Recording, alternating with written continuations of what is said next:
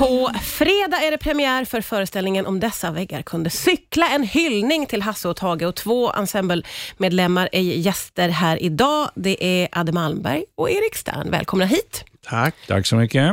Hur uppspelta är ni två över att publiken är tillbaka? Det är ju bortom allt. Det är ju helt otroligt faktiskt. Det är ju inte klokt Nej, faktiskt. äntligen det. släppte det. Ja, Och går äntligen tillbaka. släppte det och det kom ganska plötsligt att det släppte. Det var ju Ja. bara någon vecka innan vi började repetera. Just så det. var vi fortfarande osäkra på, kommer vi kunna göra detta? Ja, det var så pass. Det måste ju ha varit ohyggligt härligt för er Ja, när ni fick veta, verkligen. veta det här. verkligen. Eh, så spännande föreställning. Berätta lite grann om den här föreställningen. Du fnissar Ja, den- du. Ja, men det är så Ja, men det, är så här, man ska göra liksom historiskt så är det så här att vi på Lunds humorfestival som hålls varje år så gjordes för några år sedan en hyllning till Hasse och Tage och då var det bara en engångsföreteelse, massa komiker och det man, man ses liksom en timme innan och bara så, och så bara går man upp och kör som en happening. Och när vi gjorde den så kände vi att publiken älskade detta. Man kände att det var något speciellt för publiken med Hasse och Tages material. Och Då började vi prata om det. Just att det är så bra material, det är så bra skrivna texter. Det här borde man kunna göra någonting av som är mer genomarbetat. Och så uppstod idén och sen har vi då jobbat vidare på det och tagit några år faktiskt. Ja, just det. Bland annat för att få rättigheter från, från eh, familjerna. Så. Och det, det, de har varit väldigt positiva och uppmuntrande, men de är väldigt noga också med att det ska gå rätt till. Ja, okej. Vilket jag tycker är jättebra. Och nu har vi då fått ihop den här eh, ensemblen som eh, känns helt rätt för det här projektet. Ja, det är ju Mm. väldigt fina namn som är med. Det är Johan Glans och Emma Molin och ni är ett stort gäng. Mm. Eh, känns det lite pirrigt då att ge sig på Hasse och Tage så här på det här sättet? Ja, men verkligen eftersom de hade en sån extrem särställning och har fortfarande liksom i, i humor-Sverige så är det ju verkligen, det, är- det vilar tungt på axlarna att, att, att förvalta det samtidigt som man ska förnya det och sätta det i, i vår samtid på något sätt. Men Ja. fruktansvärt roligt. Ja, vad kul. Mm. Men det känns också som att det har gått tillräckligt lång tid nu. Därför att är man för tätt inpå när så att säga, originalet var så blir man ju totalt jämförd hela Ja. tiden. Nu har det ju ändå gått, alltså sen, alltså Tage dog ju 85, alltså 83 gjorde, var ju sista föreställningen som de gjorde ihop. Eh, Så det är ju, vad är det, 40 år sedan nästan nu. Ja, just det. Eh, Så då känner man att det har blivit ett distans till det hela eh, och då känns det mer rätt att göra det. Ja, det känns som att det finns så mycket att säga om Hasse och Tage. Vi pratade under hela låten här om det faktum att eh, de har liksom tentakler som når ända till dagens generation. Hur kan det vara så? Ja, men dels för att de var det där navet som de var, tror jag. Alltså att de, de var...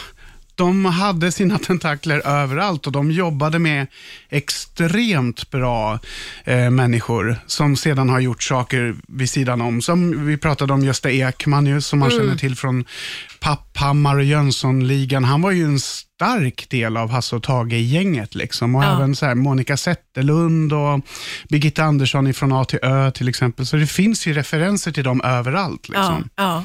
De hade ju en sån eh, liksom, eh, speciell ställning i underhållningsvärlden i Sverige som man inte kan förstå idag. Där de var liksom helt dominerande. Idag är ju, är ju allting uppsplittrat. Det finns massa olika eh, källor och, och man kan lyssna på och titta sina favoriter när man vill och var man vill. Då var det ju inte så.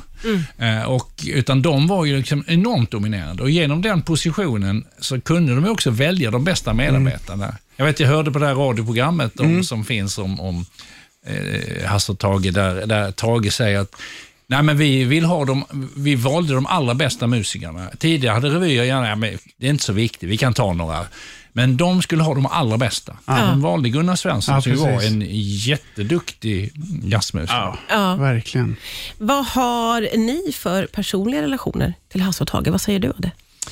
Alltså alla komiker i min generation och även i generationer efter står helt i, i, i liksom helt beroendeställning till Hasse och Tage för att vi är uppvuxna med det och de var ju så enormt bra. Så att alla har ju påverkats mer eller mindre medvetet av dem. Och man har också på något sätt fått ta ställning. Ska jag gå i den, ska, eller ska jag avvika från den? Och det var ju också det som gjorde att vi startade stand-up en gång. Just att vi vill göra någonting som inte Hasse och Tage har gjort. Därför vad man än gjorde på 80-talet, till exempel, gjorde en revy eller någonting, Ja, ja, ja. Mosebacke och så, så var det, ja, det, det var det bästa man kunde få, att ja, något nummer har nästan Hasse och Tage-klass. Det var liksom det bästa man kunde få. Man kunde ju aldrig tävla med någon, det gick inte. Nej. Men då gjorde vi stand-up, för det har inte de gjort och då kunde man få bli fri. Liksom, Ja. Från det här, för det var lite som ett ok också, så Ja, det det blev nästan på 80-talet som en sorts hatkärlek. Det är våra stora idoler, men samtidigt, vi kan inte komma loss ur deras grepp. Nej. Så, vad häftigt måste Ja, jag säga. häftigt. Då hittar ni den vägen. Det är ju underbart. Vad säger du om din relation till Hasse och Tage? Nej, men min mamma var ju hooked på dem eh, och på videobutiken så fanns det ju alla svenska ordklassiker. Så de såg jag ju Släpp fångarna loss och Hur man angör en brygga och liksom Mannen som slutar röka, Ä- Äppelkriget. Alla de där fanns och jag, jag blev helt fast i alla skådisar och att det var den där blandningen av totalt dumheteri liksom, med ändå hela tiden ett patos. Och, det var liksom en otrolig trygghet för mig, så jag återvänder, återvänder till dem hela tiden. Liksom. Gud vad häftigt att du får göra den här föreställningen nu. Det är ju magiskt. Jag känner vad mycket det finns att prata om när man pratar om Hasse och Tage. Eh, kan, man se, kan man säga att eh, humorn har förändrats genom tiderna? Ja, det kan man absolut göra. Eh, och den förändras ju liksom hela tiden med nya komiker och Hasse och Tage ändrade ju ko- eh, humor liksom när de kom in med sin stil och gjorde revy som ju var väldigt sådär avskalad och det var inte så mycket plymer, och paljetter och balett och sånt som man ofta hade på den tiden. Men sen har det ju liksom an- nya generationer tillfört sitt och ändrat det. Och Ja. Man måste ju profilera sig lite grann mot det som var innan. Ja. Eh, Va, vad säger ni om liksom, eh, klimatet för humor idag? Oj. Det, det, för min del så tror jag att det har blivit mer komplicerat idag. På vilket sätt? Eh, på det sättet att eh, humor idag behöver eller är beroende av en större dos medvetenhet tror jag kring vad det är man skämtar om och vem det är som skämtar.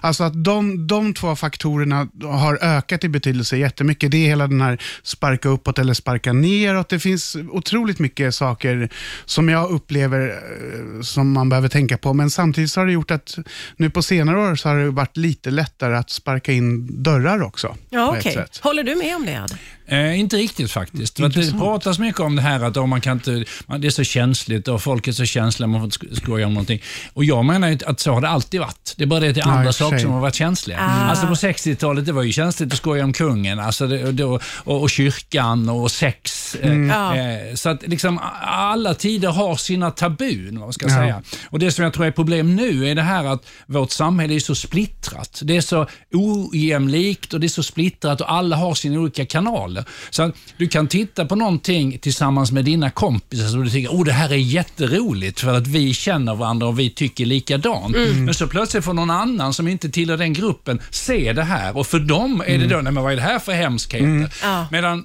man tänker då på Hasse och Tages tid, då var ju kanalerna liksom Radion, det, var, ja, det fanns väl några kanaler i radio, men det var ju ändå Sveriges Radio, Ja. en tv-kanal. Ja. Så att det hade gått igenom en massa, inte censur, men det hade gått igenom lite filter på vägen. Man kan ja, säga. Det där kanske du inte ska ta här nu, för nu måste du tänka på att nu är det liksom eh, gamla tanter i, i, i, i Dalarna som lyssnar också. Det är inte bara unga häftiga eh, innestudenter i. Stockholm. Nej, just det. Just det. eh, Det är en stor skillnad mot idag där allting åker rakt ut Ja, kanske. Allting åker rakt ut, det Ja. finns inga filter. Nej. Det finns en fördel med det, men det finns också en fara i det. Mm. Ja. Jag hade kunnat prata med er hela dagen. Så otroligt kul att ni båda är här. Eh, Jag ska säga det att föreställningen som ju heter Om dessa väggar kunde cykla, en hyllning till Hasse och Tage, den har premiär på fredag. Adde Malmberg och Erik Stern, tusen tack för att ni kom till Rix FM. Tack.